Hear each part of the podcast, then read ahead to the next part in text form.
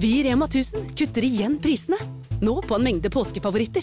For eksempel kutter vi minst 25% på gourmetstykket fra Hatting, 150 gram bacon fra Nordfjord, rett i koppensuppe fra Toro og andre påskefavoritter. Alt dette og enda flere priskutt på minst 25% For det er sluttsummen på påskehandelen som teller. Og husk at vi fortsatt har fryst prisen på over 1000 varer. Kronemarked hos Bar. Nå har vi en mengde varer til 10 og 20 kroner. Hele denne uka får du løbiff fra Folkets før 54,90, nå kun 20 kroner. I tillegg får du et utvalgt Vasa knekkebrød, før fra 16,90, nå bare 10 kroner. Alltid tilbud på noe godt. Hilsen oss i Spar. En podkast fra Podplay. Denne episoden kan være skremmende for enkelte lyttere. Om du er yngre eller sensitiv til drap, forsvinning eller beskrivelser rundt slike hendelser, så anbefaler vi at du lytter til episoden med noen du stoler på, eller skrur av.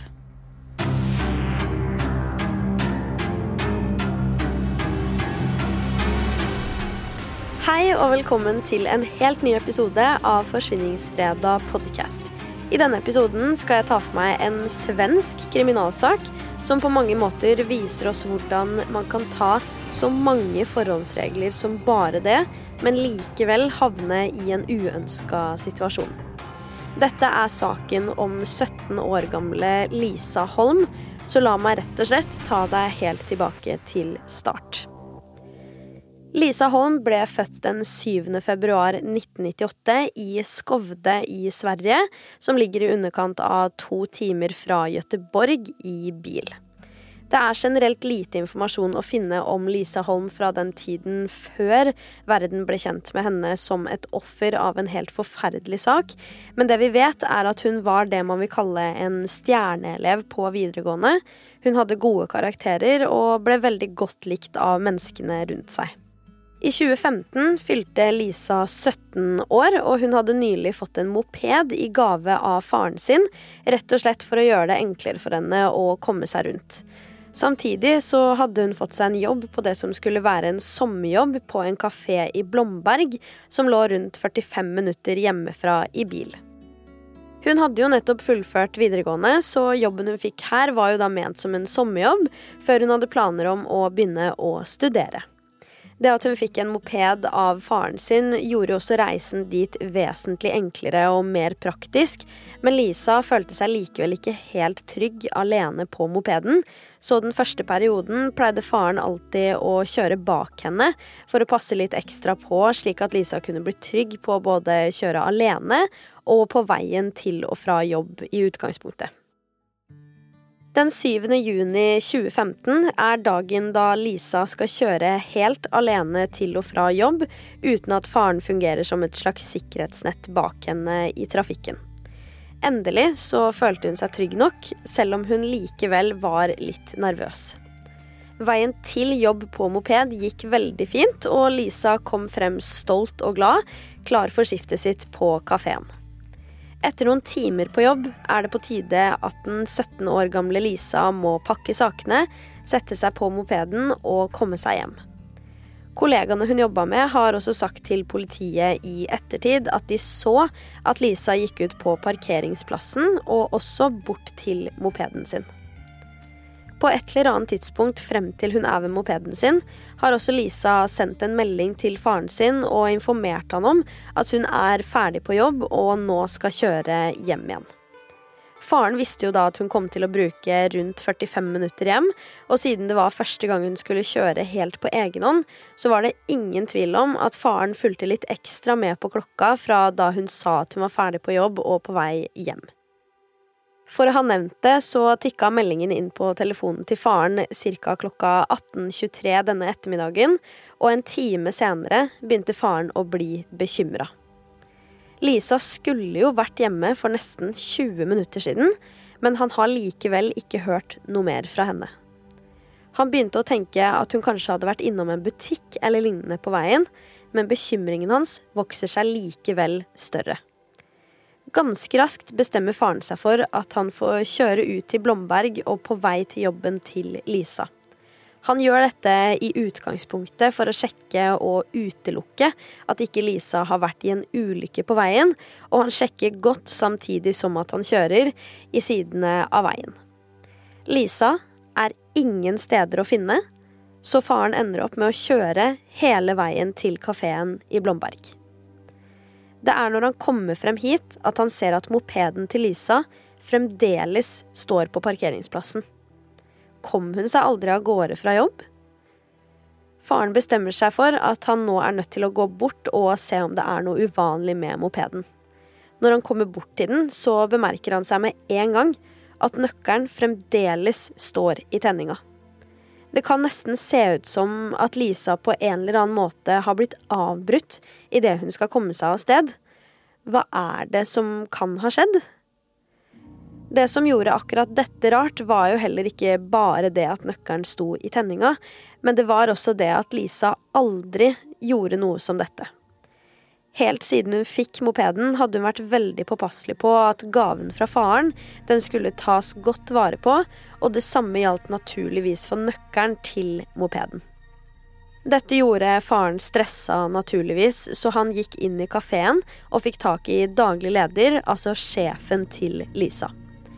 Sammen leter de i nærområdet og snur vel egentlig hver eneste stein de kan se, men Lisa Holm er ingen steder å finne. 17-åringen har tilsynelatende forsvunnet sporløst. Faren ringer til politiet klokka 21.47 etter å selv ha gjort et iherdig forsøk på å finne datteren sin. Allerede da blir Lisa offisielt meldt savnet, og politiet dukka opp på stedet så raskt de overhodet kunne. Politiet har da bl.a. med seg hunder for å kunne søke i området, men ved første søk finner de absolutt ingenting av interesse. Litt senere så blir faktisk en hanske funnet i låven som lå på andre siden av veien for kafeen som Lisa jobbet på, og det blir gjort nok et funn senere som skal være av stor interesse for politiet, men akkurat det kommer jeg tilbake til. Tirsdag den 9. juni 2015, altså to dager etter forsvinningen, finner politiet en knust telefon og en kvittering fra en matbutikk i Skogholtet rett ved kafeen. Faren til Lisa kunne med en gang bekrefte at disse tingene tilhørte datteren hans, så endelig hadde politiet funnet noe som kunne gi i det minste en indikasjon på at Lisa på et eller annet tidspunkt og på en eller annen måte hadde kommet seg bort fra kafeen, enten alene eller med noen andre. Den 10. juni samme år, altså dagen etter funnet av telefonen, utvider politiet området de søker i, og nå kobles også en organisasjon på for savnede personer. Denne dagen blir et par øreringer funnet i låven som lå rett ved siden av kafeen, og på et annet sted ble også førerkortet og husnøkkelen hennes funnet.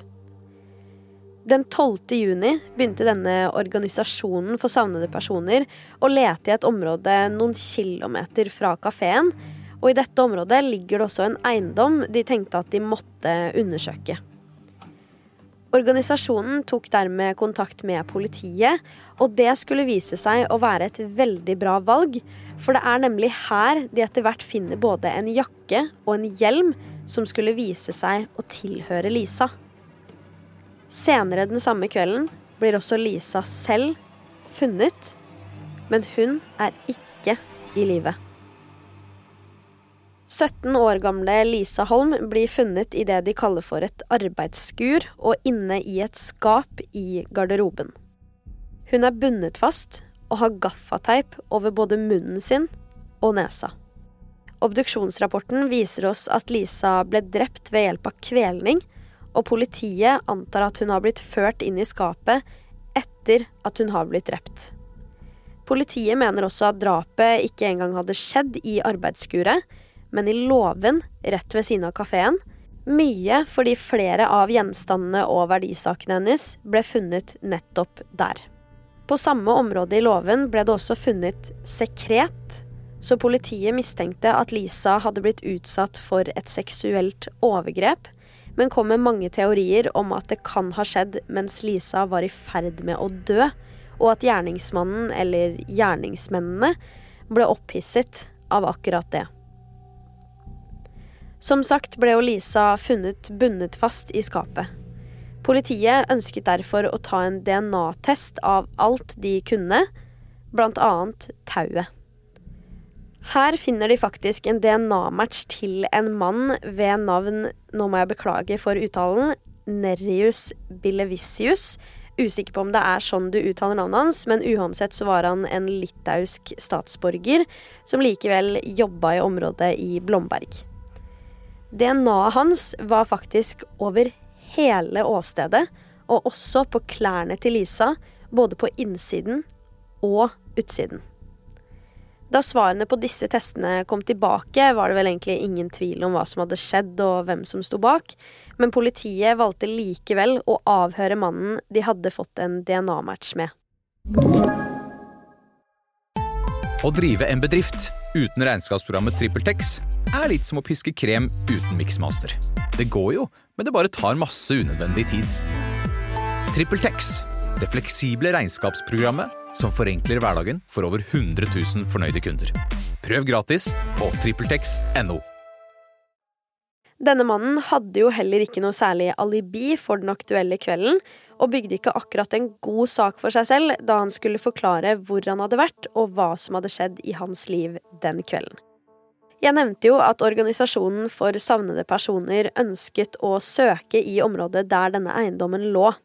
Det som er verdt å merke seg her, er at Nerius hadde oppført seg utrolig merkelig da det kom noen i bil som ønska å søke på eiendommen. Han hadde også vært ganske tydelig på at han ikke ønska at politiet skulle søke i dette området, så det skriker jo ikke akkurat uskyldig av disse uttalelsene. Etter alle disse samtalene med politiet, og ikke minst DNA-sporene, så ender Nerius opp med å bli pågrepet av politiet men det samme blir også broren hans. Etter hvert blir imidlertid broren løslatt, da de forstår at han ikke hadde noen ting med saken å gjøre, og Nerius sitter ganske greit i det på egen hånd. Etter hvert som rettssaken går i gang, kommer det også frem at Nerius på ingen måte viser verken anger eller dårlig samvittighet overfor noe som helst. Retten mener at drapet og hendelsen i sin helhet er utført på en avskyelig måte, spesielt tatt i betraktning at Lisa bare var 17 år gammel, og også betydelig svakere enn gjerningsmannen. Hun hadde ingen mulighet til å forsvare seg selv, så på mange måter er dette en helt ufattelig feig handling. Den 17. november kommer domsavsigelsen. Nerius blir dømt til livstid i fengsel for drapet på Lisa Holm. Advokaten til Nerius forsøkte faktisk å anke dommen på grunnlag av at han mente at noen hadde hjulpet han med å gjennomføre drapet, men anken ble avslått, og han måtte dermed sone straffen likevel. Den 4. juli 2016 er dagen anken ble avslått, så det er nå han finner ut at han uansett må sone, og blir deportert til Litauen et år senere for å sone straffen sin der, med tanke på at det var der han var statsborger. Vi skal til 3. august 2022. Dette er dagen Nerius aner fred og ingen fare i cella si i fengselet. Likevel er dette også dagen den andre innsatte på cella har brukt tid på å lage en hjemmelaget kniv som han til slutt ender opp med å bruke til å knivstikke Nerius en rekke ganger. Nerius ble sendt rett inn i en ambulanse på vei til sykehuset, men de rekker ikke frem til sykehuset engang, før Nerius allerede har dødd av blodmangel. Det er ingen tvil om at dette er en helt ufattelig trist sak, og som jeg sa innledningsvis, så er dette en sak som på flere måter viser oss at man kan være så forsiktig som bare det, men likevel være utsatt for noe man selv ikke har kontroll over. Til tross for det står jo saken til Lisa som et skrekkeksempel, men det er en ufattelig skummel og ekkel sak å tenke på. Hun var bare 17 år gammel, hadde hele livet foran seg, og skulle hjem fra jobb på mopeden hun hadde fått av faren sin. Lisa Holm fortjente så mye bedre. Du har hørt Forsvinningsfredag podkast med meg, Sara Høydahl. Tusen takk for at du har lytta til episoden. Vi er tilbake med en helt ny en allerede nå på fredag. Og i mellomtiden, ta vare på deg selv.